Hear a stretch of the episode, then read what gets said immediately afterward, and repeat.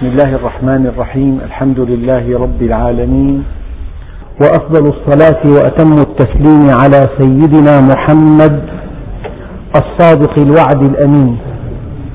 اللهم لا علم لنا إلا ما علمتنا إنك أنت العليم الحكيم. اللهم علمنا ما ينفعنا وانفعنا بما علمتنا وزدنا علما. وأرنا الحق حقا وارزقنا اتباعه. وأرنا الباطل باطلا وارزقنا اجتنابه واجعلنا ممن يستمعون القول فيتبعون أحسنه وأدخلنا برحمتك في عبادك الصالحين.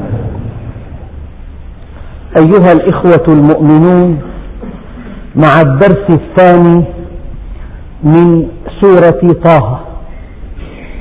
بسم الله الرحمن الرحيم.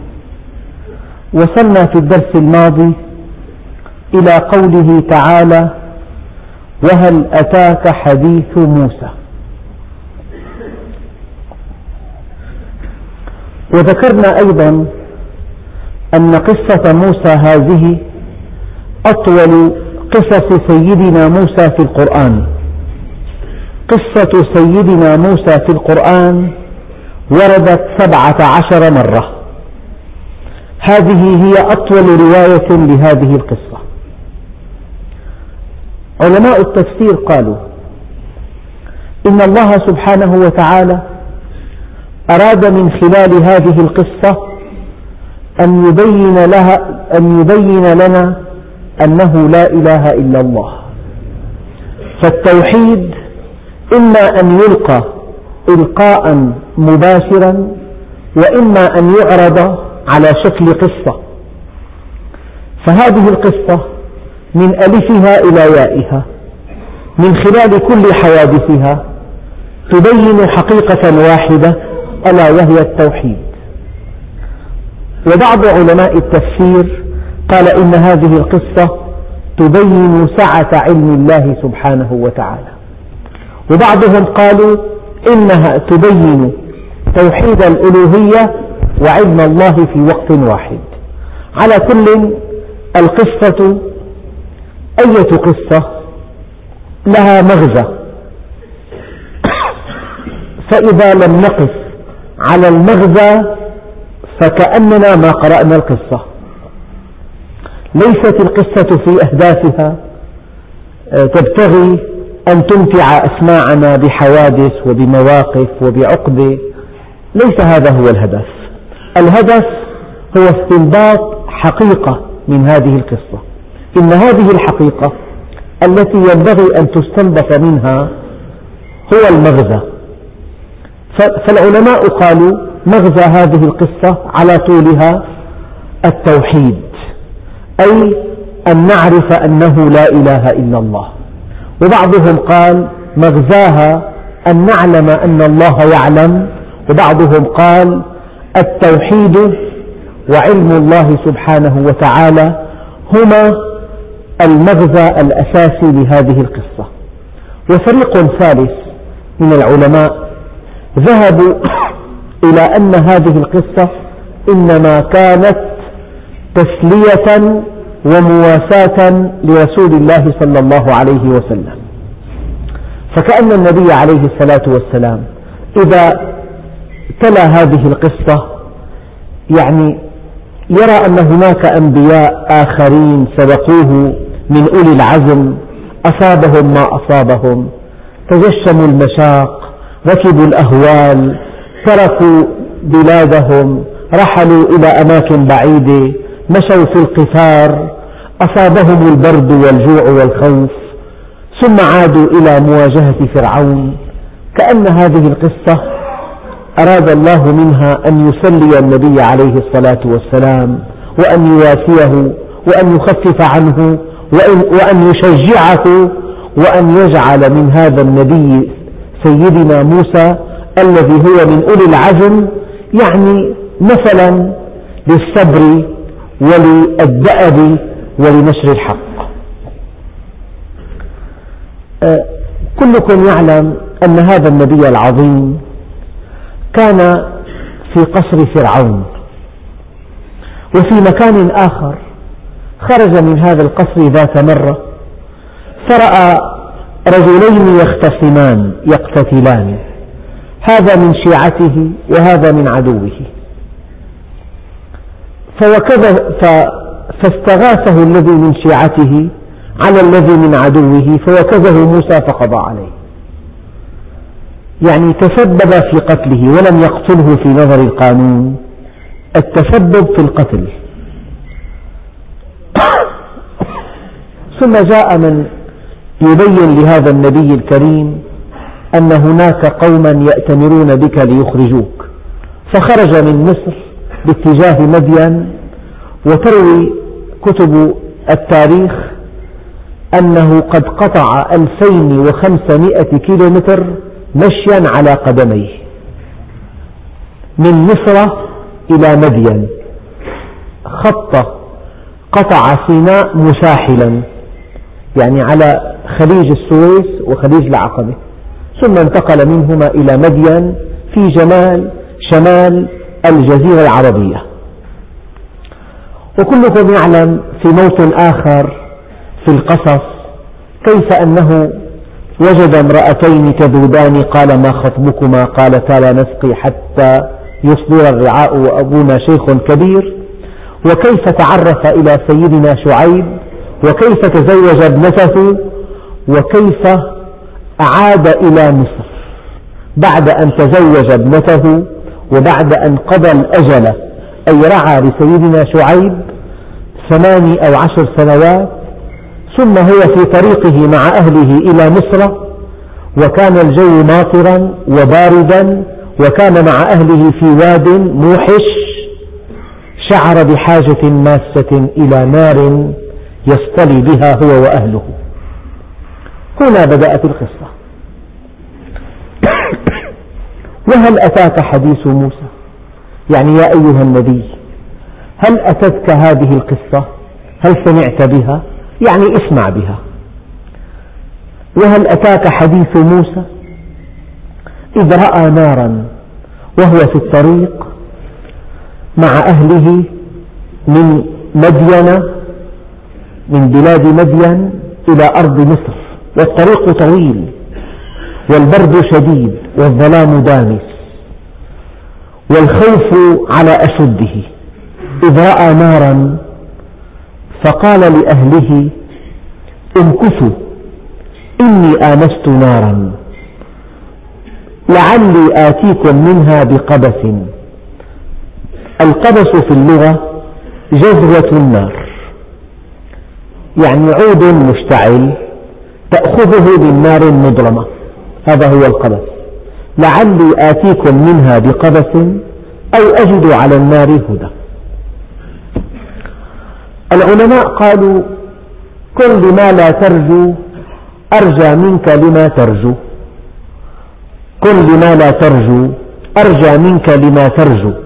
يعني الإنسان ليس له أن يحتقر شيئا ولا أن يستصغر شيئا ولا أن يهمل شيئا ولا أن يهمل طلبا ولا عرضا ولا مناسبة ولا فرصة. فهذا النبي الكريم رأى نارا فتوجه إليها ليأخذ منها قبسا فكان فكانت المناجاة مع الله سبحانه وتعالى. فلما أتاها يعني أتى النار ليأخذ منها قبسا يصطلي بها هو وأهله فلما أتاها نودي يا موسى. لذلك سيدنا موسى كريم الله خاطبه الله سبحانه وتعالى. إني أنا ربك فاخلع عليك إنك بالوادي المقدس طوى. طبعا هذه الآيات فسرها المفسرون ب يعني طرائق عدة. إني أنا ربك ربنا سبحانه وتعالى استخدم في هذه الآية الضمير المفرد لم يقل على على ما يجري في القرآن إننا إنا نحن نزلنا الذكر وإنا له لحافظون إنا أعطيناك الكوثر إنا لننصر رسلنا والذين آمنوا لا قال إنني العلماء قالوا حيثما كان الحديث عن ذات الله حيثما كان الحديث عن ذات الله استخدم الله الضمير ضمير المتكلم المفرد. وحيثما كان الحديث عن أفعال الله استخدم الله ضمير الجمع لأن فعل الله فيه الرحمة وفيه القدرة وفيه الغنى وفيه اللطف وفيه الحكمة وفيه الحنان أسماء الله الحسنى كلها داخلة في أفعاله. أما الحديث عن ذاته فغالبا ما يستخدم ضمير المتكلم المفرد.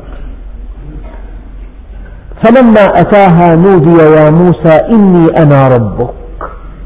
يعني أقرب أسماء الله الحسنى إلينا الرب.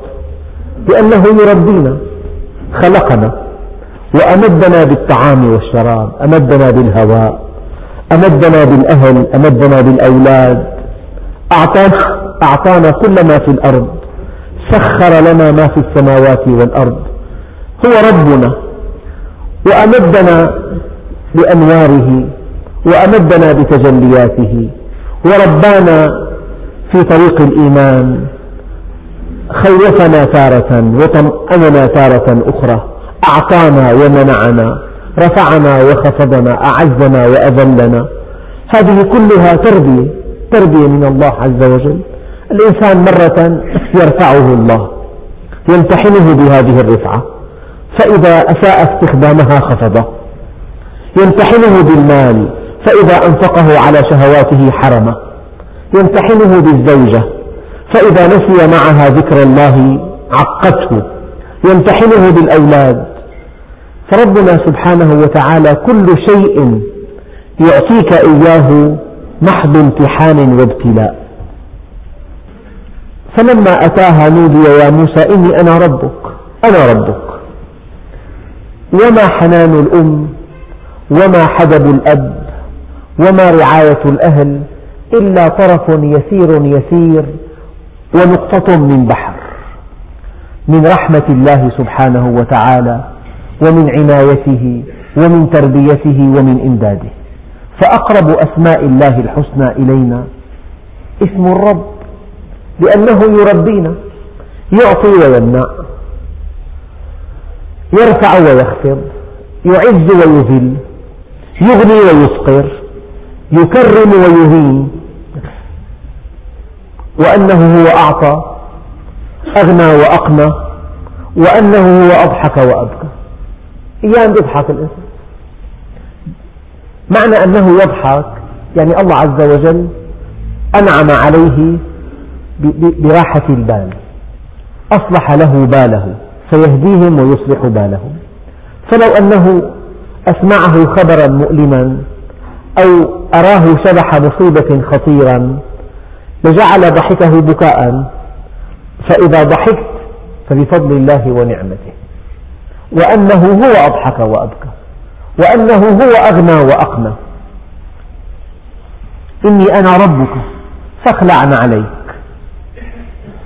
بعض المفسرين فسر هذه الآية يعني دع حظ الدنيا من نفسك. دع حظوظ الدنيا. يعني أعرض عن الدنيا بكل ما فيها. وكأن الدنيا شيء تافه لا قيمة له. الدنيا جيفة طلابها كلابها الدنيا دار من لا دار له ولها يسعى من لا عقل له. خذ من الدنيا ما شئت وخذ بقدرها هما. ومن أخذ من الدنيا فوق ما يكفيه أخذ من حتفه وهو لا يشعر. والنبي عليه الصلاة والسلام مر في طريقه مع أصحابه على شاة ميتة متفسخة جيفة. قالوا انظروا كم هي هينة على أهلها للدنيا أهون على الله من هذه الشاة على أهلها. وقال عليه الصلاة والسلام لو أن الدنيا تعدل عند الله جناح بعوضة ما سقى الكافر منها شربة ماء. لذلك فاخلع عليك إنك بالوادي المقدس طوى. هذا الوادي واد, واد مقدس لأنه تمت فيه المناجاة. وهناك معنى آخر أي أن هذا النبي العظيم في مسلك مقدس في هم مقدس في طموح مقدس في أهداف مقدسة في غايات مقدسة في مشاغل مقدسة. هناك مشاغل تافهة هناك أهداف تافهة هناك أعمال تافهة هناك طموحات تافهة. آه، إن الله يحب معالي الأمور ويكره سفافها ودنيها. إنك بالوادي المقدس. يشبه هذه الآية وهو بالأفق الأعلى النبي عليه الصلاة والسلام. في آفاق مقدسة غير هذه الآفاق. إنك بالوادي المقدس طوى. طوى اسم هذا الوادي. وادي المناجاة. يعني هؤلاء الأنبياء العظام لسمو مكانتهم عند الله عز وجل ولمحبتهم ولإقبالهم ولفنائهم في حب الله استحقوا أن يناجيهم الله عز وجل. وأنا اخترتك. فاستمع لما يوحى. اخترتك. اصطفيتك. انتقيتك. من بين عبادي جميعا. لتكون رسولا لي. وأنا اخترتك. والله سبحانه وتعالى إذا اختار نبيا عظيما لا بد من أن يكون هذا النبي قمة في الكمال. أية قصة أيها الإخوة. تخدش من كمال الأنبياء هي قصة مرفوضة. لأن الله اختارهم على علم واصطفاهم على العالمين. ولو أن في أخلاق الأنبياء خدشا أو نقصا كما تروي بعض الكتب المقدسة الأخرى أن هذا النبي شرب الخمر وأن هذا النبي فعل كذا وكذا بابنتيه وأن هذا وهذا. لو أن في أخلاق الأنبياء انحرافا أو خدشا لما كان اختيارهم حسنا. لأن الله سبحانه وتعالى هو الذي اصطفاهم وهو الذي اختارهم وهو الذي أكرمهم وهو الذي رفعهم. إذا من لوازم العقيدة الصحيحة أن تؤمن بعصمة الأنبياء. إنهم معصومون في التبليغ معصومون في أقوالهم معصومون في أعمالهم معصومون عن أن يعصوا الله سبحانه وتعالى. وكل شيء رابك أمره فاسأل أهل الذكر. هكذا قال الله عز وجل فاسألوا أهل الذكر إن كنتم لا تعلمون. إنك بالوادي المقدس طوى وأنا اخترتك فاستمع لما يوحى.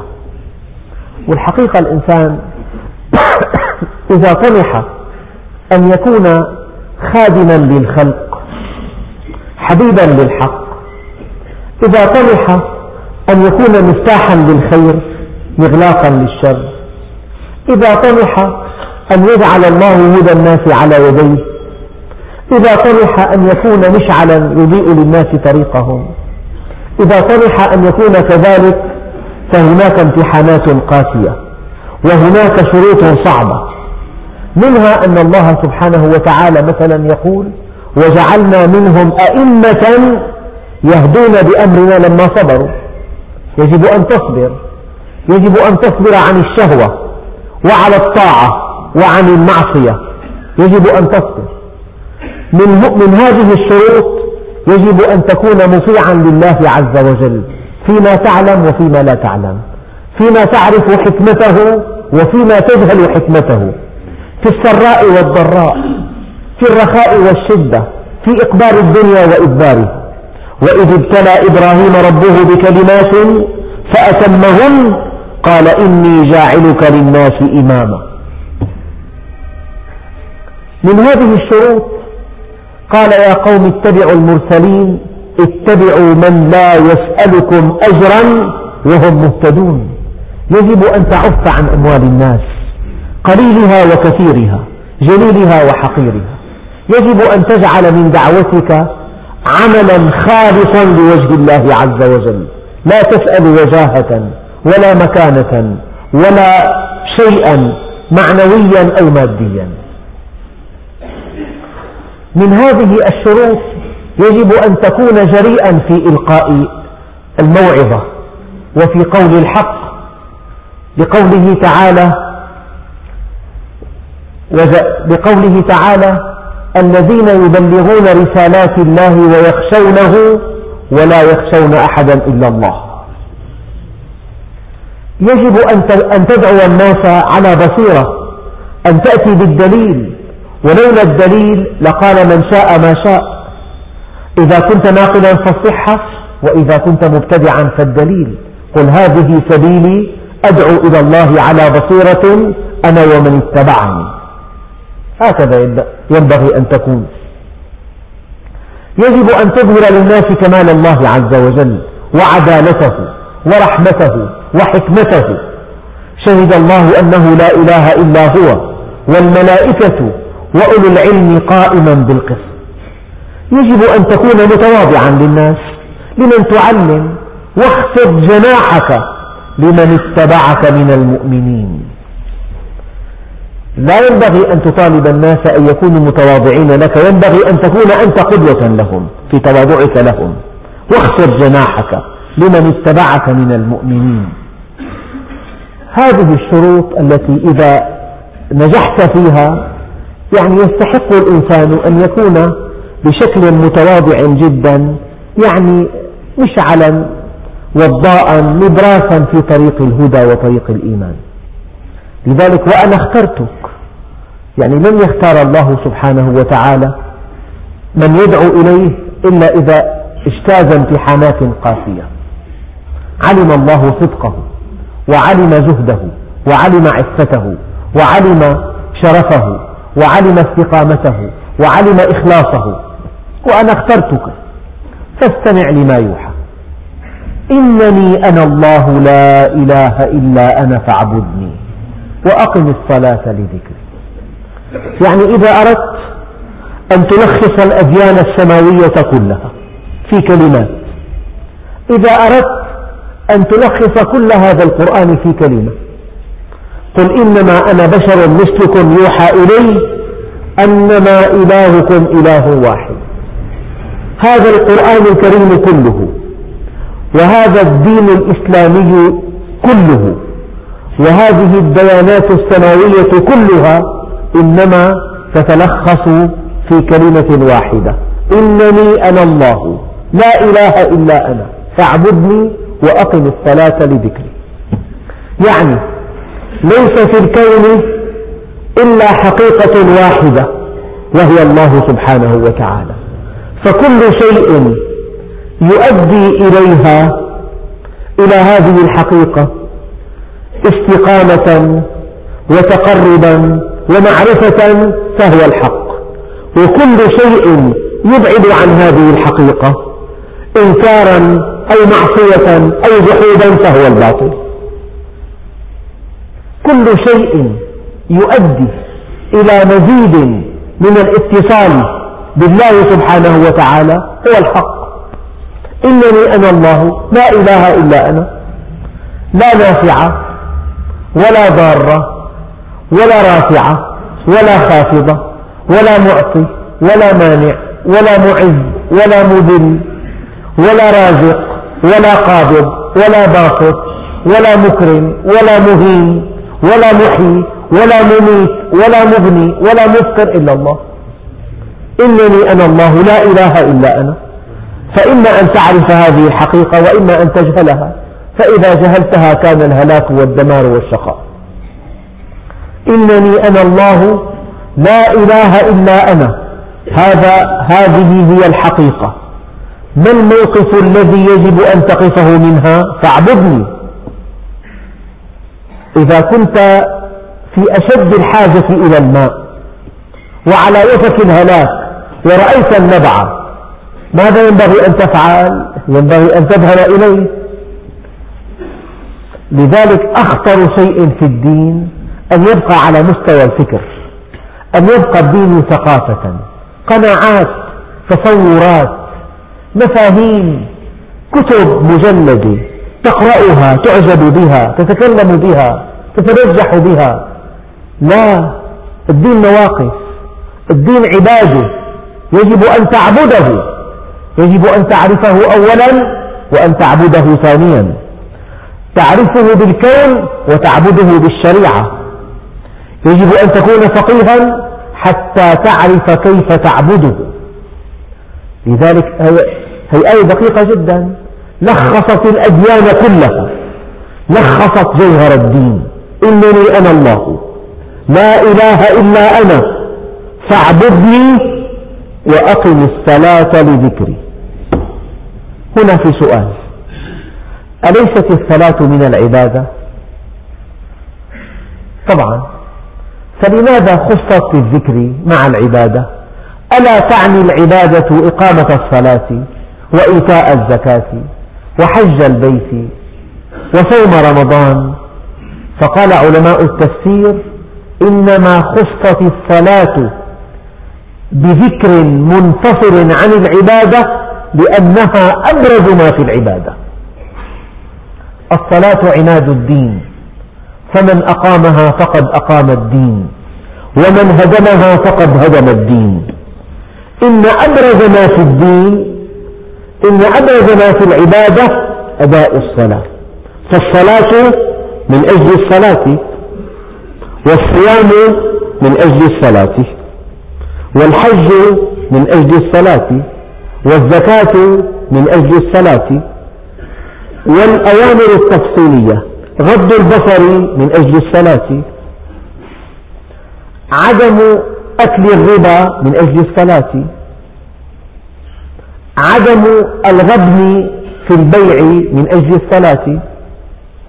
كل الأوامر والنواهي إنما يفعلها الإنسان من أجل أن يبقي الطريق بينه وبين الله سالكا فأية معصية أو أية مخالفة من شأنها أن تكون عقبة كؤود بين العبد وبين ربه. إنني أنا الله لا إله إلا أنا فاعبدني وأقم الصلاة لذكري. العلماء قالوا الذكر هنا الصلاة فيها ذكر لله عز وجل فيها قراءة الفاتحة وفيها التسبيح وفيها التعظيم وفيها الثناء وفيها الحمد وفيها تلاوة القرآن فالصلاة ذكر لله عز وجل. ومعنى آخر للذكر هو أن يكون هذا الذكر خالصا لوجه الله عز وجل. لا أن تذكر مع الله أحدا أن تذكره بإخلاص. ومعنى أقم الصلاة لذكري أن تذكره ولا تذكر شريكا له. ومعنى وأقم الصلاة لذكري أن تذكره ولا تنساه قال موسى يا رب كيف أشكرك يا رب؟ فقال الله عز وجل يا موسى إنك إن ذكرتني شكرتني وإذا نسيتني كفرتني. تذكرني ولا تنساني من أجل أن تشكرني يجب أن تذكرني ولا تنساني. وأقم الصلاة لذكري. والله الذي لا إله إلا هو. لو لم يكن في كتاب الله عز وجل إلا هذه الآية لكفت هذا الدين كله. إنني أنا الله لا إله إلا أنا فاعبدني وأقم الصلاة لذكري. إن الساعة آتية أكاد أخفيها. لتجزى كل نفس بما تسعى يعني هنا في سؤال دقيق. لماذا ربنا سبحانه وتعالى تعلقت إرادته أن يخفي الساعة عن الناس؟ لما لم تكن الساعة جلية ظاهرة؟ لما لم تكن ساطعة كالشمس؟ لما أخفاها الله عن الناس؟ معنى أخفاها أن الإنسان أحيانا ينسى الموت. يحس بقوة في عضلاته. وبأمل في حياته. يظن أنه لن يموت. ينسى الموت. يظن أن هذه الحياة لا تنتهي مديدة. لن يموت. هكذا يتوهم. لماذا ربنا سبحانه وتعالى هذه الساعة التي لا بد آتية هذه الساعة التي لا ريب فيها لماذا أراد الله عز وجل أن تكون خافية بعض الشيء؟ الإنسان أحيانا يصدم بجنازة. وأنه فكر في هذه الجنازة. من في هذا النعش؟ إنسان. كان, كان البارحة ملء السمع والبصر. كان البارحة يسهر ويضحك ويتكلم.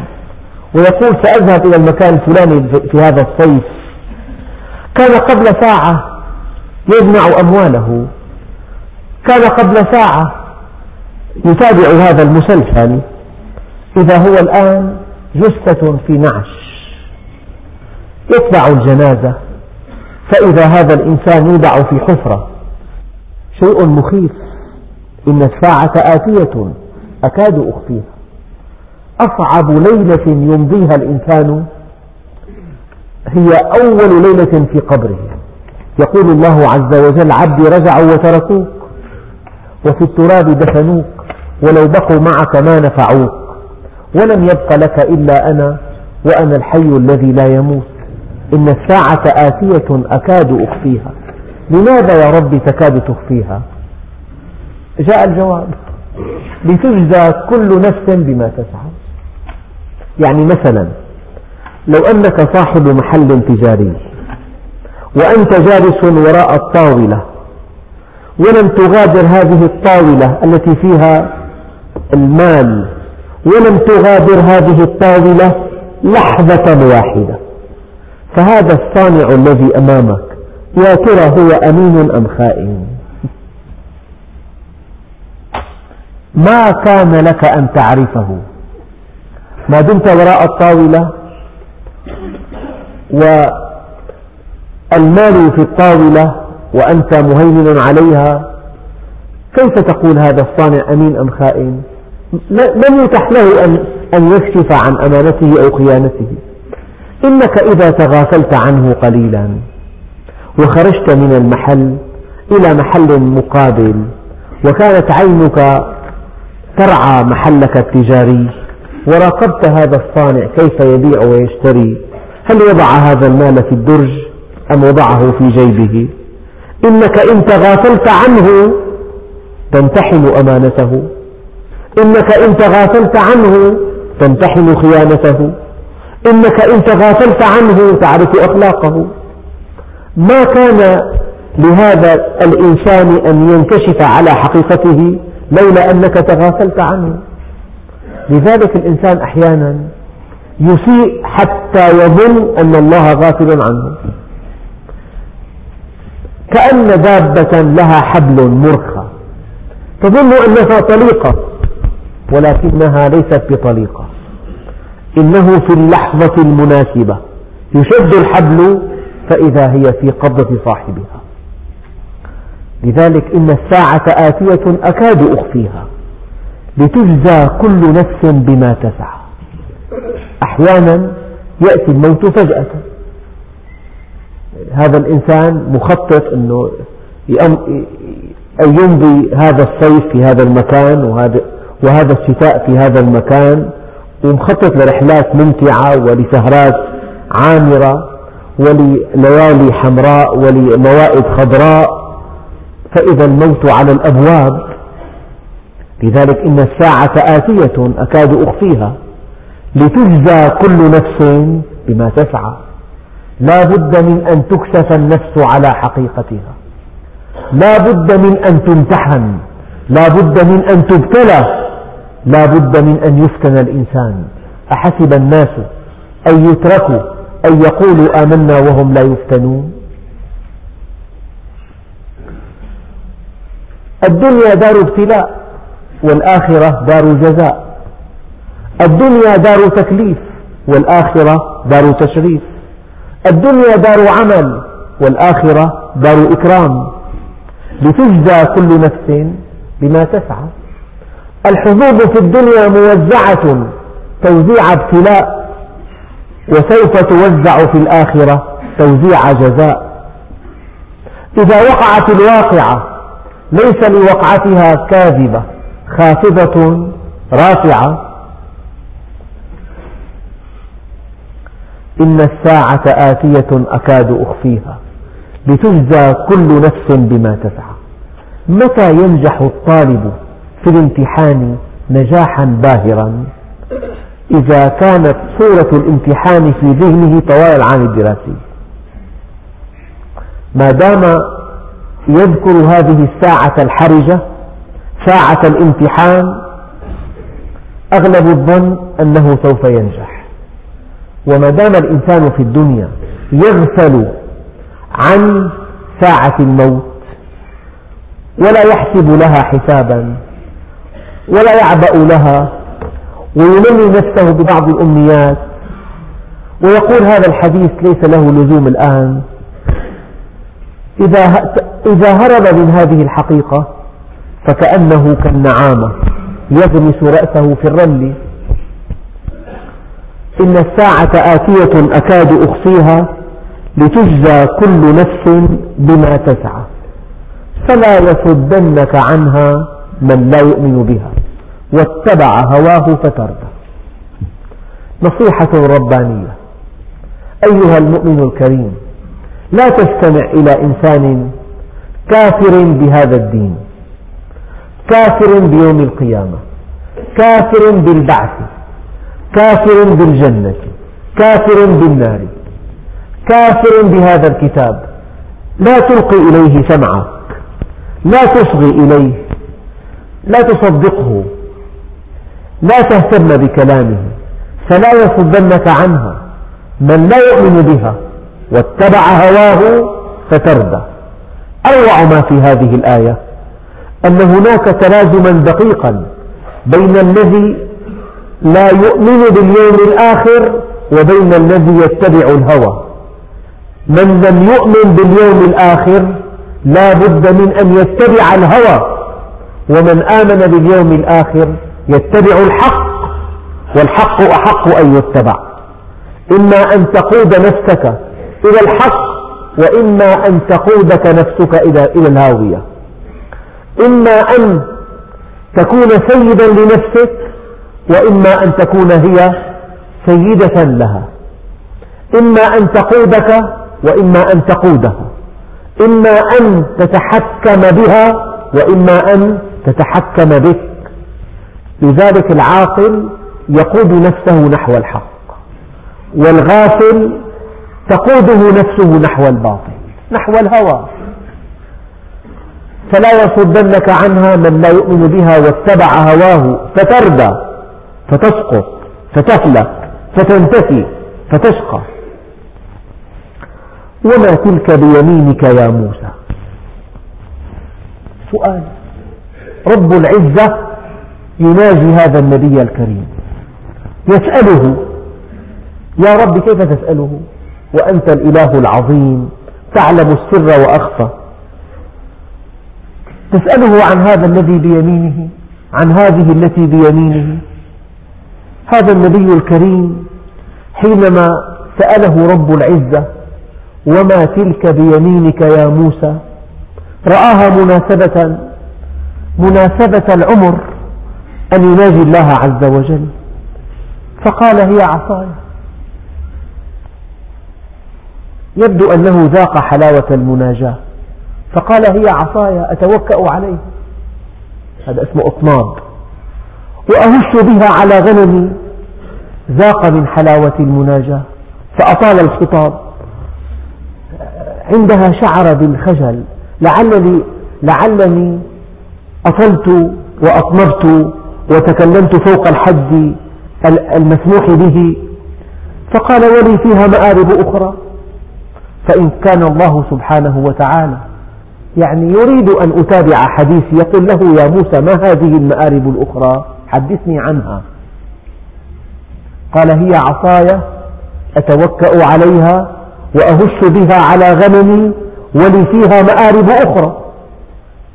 الله سبحانه وتعالى أراد من هذا السؤال أن يلفت نظره إلى أن هذا الذي بيدك هذه التي بيدك ما هي تأمل بها إنها عصا. تأكد أنها عصا بأنها بعد قليل سوف تكون هذه العصاية العصاة آية كبرى للناس. قال وما تلك بيمينك يا موسى؟ قال هي عصاي أتوكأ عليها وأهش بها على غنمي. معنى أهش بها على غنمي. بعضهم قال يعني أضرب ورق الشجر ليسقط فتأكله الغنم. وبعضهم قال يعني أضعها على ظهور غنمي كي أوجهها نحو الهدف المطلوب. من بلاغة القرآن ليس هناك كلمة أدق من هذه الكلمة. أهش بها على غنمي. ولي فيها مآرب أخرى. قال ألقها يا موسى. رب العزة يقول ألقها. فألقاها فإذا هي حية تسعى. الله سبحانه وتعالى ما أراد أن يخيفه ولكن أراد أن يعرفه بهذه المعجزة. قال خذها ولا تخاف. بمجرد أن تمسكها تعود عصاك. قال خذها ولا تخف سنعيدها سيرتها الأولى. هذه حلاوة المناجاة.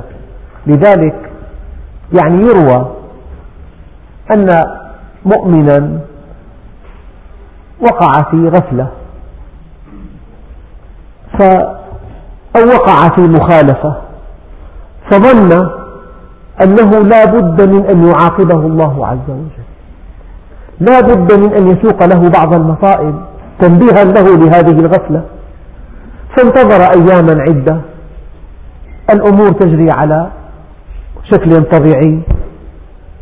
ففي الصلاة ناجى ربه قال يا ربي لقد عصيتك فلم تعاقبني. وقع في قلبه أن عبدي قد عاقبتك ولم تدري. ألم أحرمك لذة مناجاتي؟ ألا يكفيك عقوبة؟ أنك وقعت في هذه الجفوة فهذا النبي الكريم حينما ناجى ربنا سبحانه وتعالى بماذا شعر؟ إنك إن خاطبت إنسانا يبدو لك عظيما تبقى أشهرا تستمتع بهذا الخطاب وهذا اللقاء وهذا الحديث تقول أدبت معه حديثا ممتعا. فكيف إذا كان الحديث مع الله سبحانه وتعالى؟ قال ألقها يا موسى. فألقاها فإذا هي حية تسعى قال خذها ولا تخف. سنعيدها سيرتها الأولى. هو جاء إلى هنا إلى هذا المكان ليأخذ قبسا من النار. لذلك كن لما لا ترجو أرجى منك لما ترجو. إذا إنسان دعاك لعمل صالح قد يكون الهدى في هذا العمل الصالح. إذا إنسان دعاك دعاك إلى بيته أنت لبي هذه الدعوة. لعلك بهذه الدعوة تنقذ إنسان من الضلال. ما تعرف واضمم يدك إلى جناحك. ضع يدك تحت إبطك. تخرج بيضاء من غير سوء. منيرة مضيئة. من دون بطارية. تخرج بيضاء من غير سوء. منيرة مضيئة وهاجة. من غير سوء من غير ألم من غير يعني أذى. آية أخرى. العصاة آية. وأن تخرج هذه اليد للناس وضاءة منيرة متألقة. آية أخرى. لنريك من آياتنا الكبرى. اذهب إلى فرعون إنه طغى. تجاوز الحد.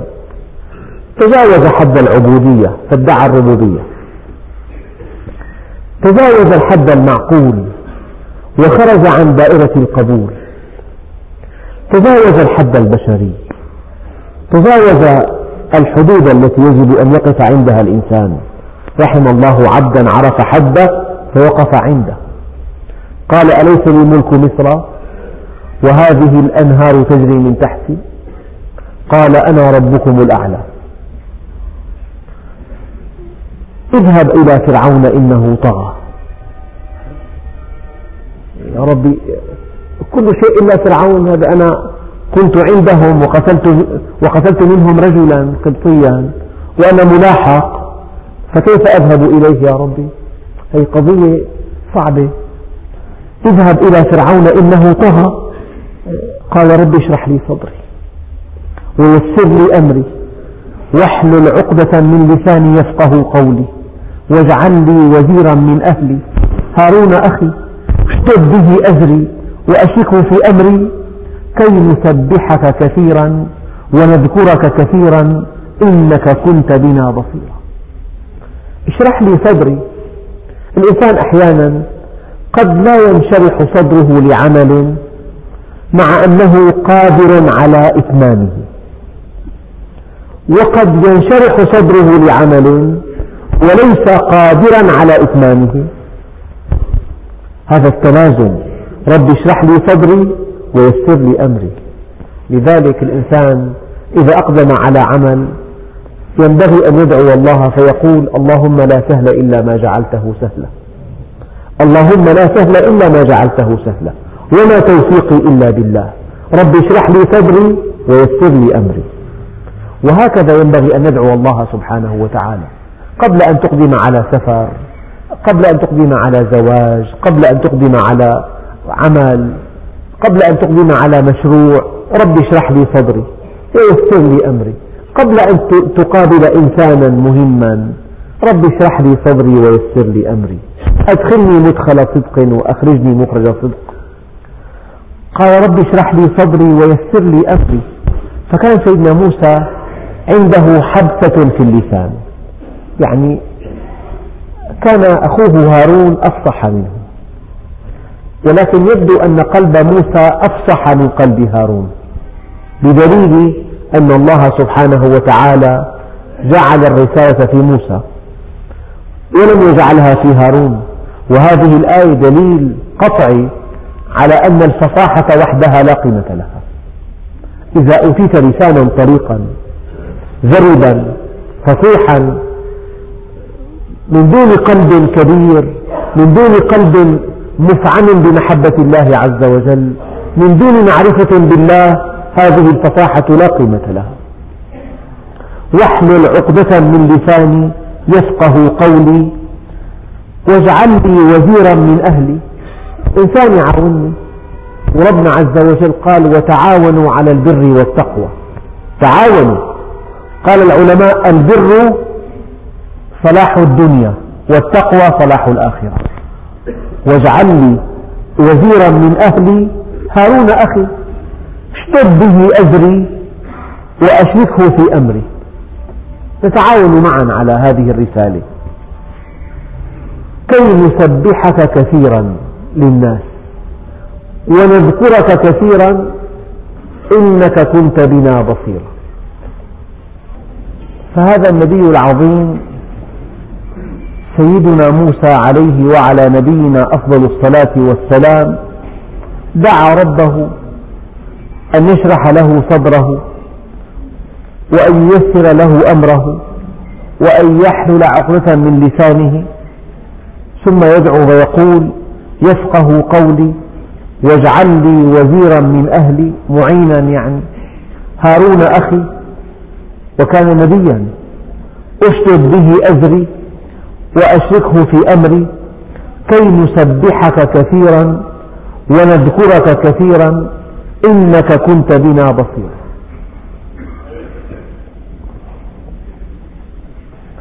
هذا الدعاء معقول. دعاء المؤمن مبني على علم بالله عز وجل. لذلك أغلب الظن أن المؤمن إذا دعا الله عز وجل يدعوه لشيء عظيم. والله سبحانه وتعالى يستجيب له. قال قد أوتيت سؤلك يا موسى أجبنا دعواك ولقد مننا عليك مرة أخرى.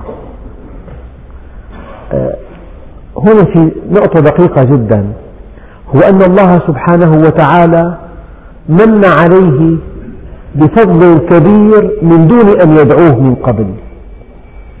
فلأن يمن عليه الآن بفضل وقد دعاه من باب أولى. ولقد مننا عليك مرة أخرى إذ أوحينا إلى أمك ما يوحى.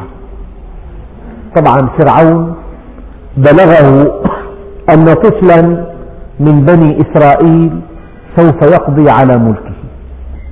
لذلك أصدر أمرا بقتل جميع أطفال بني إسرائيل.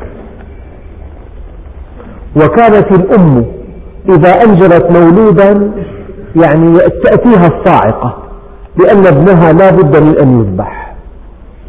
وإذ أوحينا إلى أمك ما يوحى يعني هنا الوحي وحي إلهام. ألهمنا أمك أن اقذفيه في التابوت ضعيه في صندوق فاقذفيه في اليم في البحر.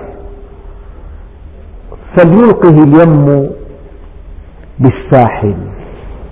في هذه الآية إشارة رائعة. من الذي يلقه بالساحل؟ اليم. اليم عاقل.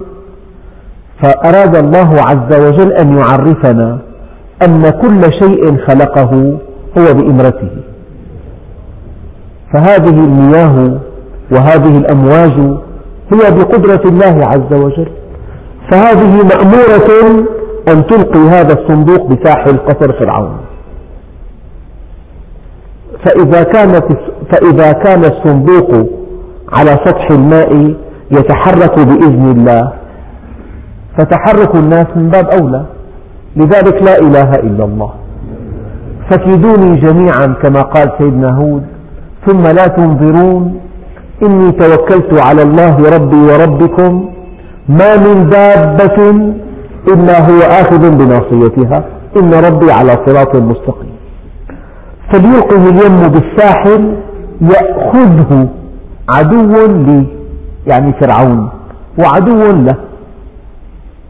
وألقيت عليك محبة مني. شو معنى ألقيت عليك محبة مني؟ يعني ما رآك أحد إلا أحبك فامرأة فرعون لما رأته أحبته فرعون أحبه. فموسى الذي رباه جبريل كافر. هذا موسى السامري رباه الوحي وموسى الذي رباه فرعون مرسل وألقيت عليك محبة مني. ينادى له في الكون أنا نحبه. فيسمع من في الكون أمر محبنا. إذا ألقى الله عليك محبة أحبك الناس جميعا. وإذا كنت محبوبا من الناس جميعا فإياك أن تتوهم أنك طيب. هذه محبة الله ألقاها عليك. ولو نزعها عنك لأبغضك الناس جميعا. فإذا دعا الإنسان ربه فليدعه أن يلقي عليه محبة منه. إذا أحب الله عبدا أحبه خلقه جميعا. وألقيت عليك محبة مني ولتصنع على عيني. يعني بصدقك ومحبتك وإخلاصك وتفانيك في طاعتي. اصطنعتك لنفسي. هيأتك, هيأتك تهيئة خاصة. أعددتك إعدادا خاصا. جعلتك موطن عنايتي ورعايتي وإكرامي. جعلت قلبك يتسع لعلمي. وألقيت عليك محبة مني ولتصنع على عيني. فلما التقطه آل فرعون عرضوا عليه المراضع فأبوا. ما كان في إرضاع صناعي؟ فأبوا. ما من مرضعة عرضت نفسها على هذا الطفل إلا أبى أن يلتقم ثديه إذا الطفل أيضا بيد الله عز وجل. إذ تمشي أختك فتقول هل أدلكم على من يكفله فرجعناك إلى أمك كي تقر عينها ولا تحزن. وقتلت نفسا فنجيناك من الغم وفتناك فتونا. يعني بطريقة لطيفة استرقت أخته أخته تتبعته قصت أثره وقالت لأهل بيت فرعون هل أدلكم على من يكفله طبعا دلتهم على أمه فلما جاءوه بأمه التقم ثديها. هو التقم ثديها وأمه اطمأنت. كانت تخاف أن يموت فإذا هي ترضعه في قصر فرعون. يعني إذا أحبك الله يسخر لك عدوك. يسخره لك لخدمتك. وألقيت عليك محبة مني ولتصنع على عيني إذ تمشي أختك فتقول هل أدلكم على من يكفله؟ فرجعناك إلى أمك كي تقر عينها ولا تحزن. وقتلت نفسا. تبع القبطي. فنجيناك من الغم وفتناك فتونا. فلبثت سنين في أهل مدين ثم جئت على قدر يا موسى واصطنعتك لنفسي. وفي الدرس القادم إن شاء الله تعالى نتابع الحديث عن هذه القصة التي ذكرها الله عز وجل لتكون موعظة لنا. والحمد لله رب العالمين. رحيم الحمد لله رب العالمين وأفضل الصلاة وأتم التسليم على سيدنا محمد الصادق الوعد الأمين. اللهم أغننا بالعلم وزينا بالحلم وأكرمنا بالتقوى وجملنا بالعافية وطهر قلوبنا من النفاق وأعمالنا من الرياء وألسنتنا من الكذب وأعيننا من الخيانة فإنك تعلم خائنة الأعين وما تخفي الصدور اللهم اجعل جمعنا هذا جمعا مباركا مرحوما واجعل تفرقنا من بعده تفرقا معصوما ولا تجعل فينا ولا منا ولا معنا شقيا ولا محروما. وصلى الله على سيدنا محمد النبي الأمي وعلى آله وصحبه وسلم والحمد لله رب العالمين الفاتحة.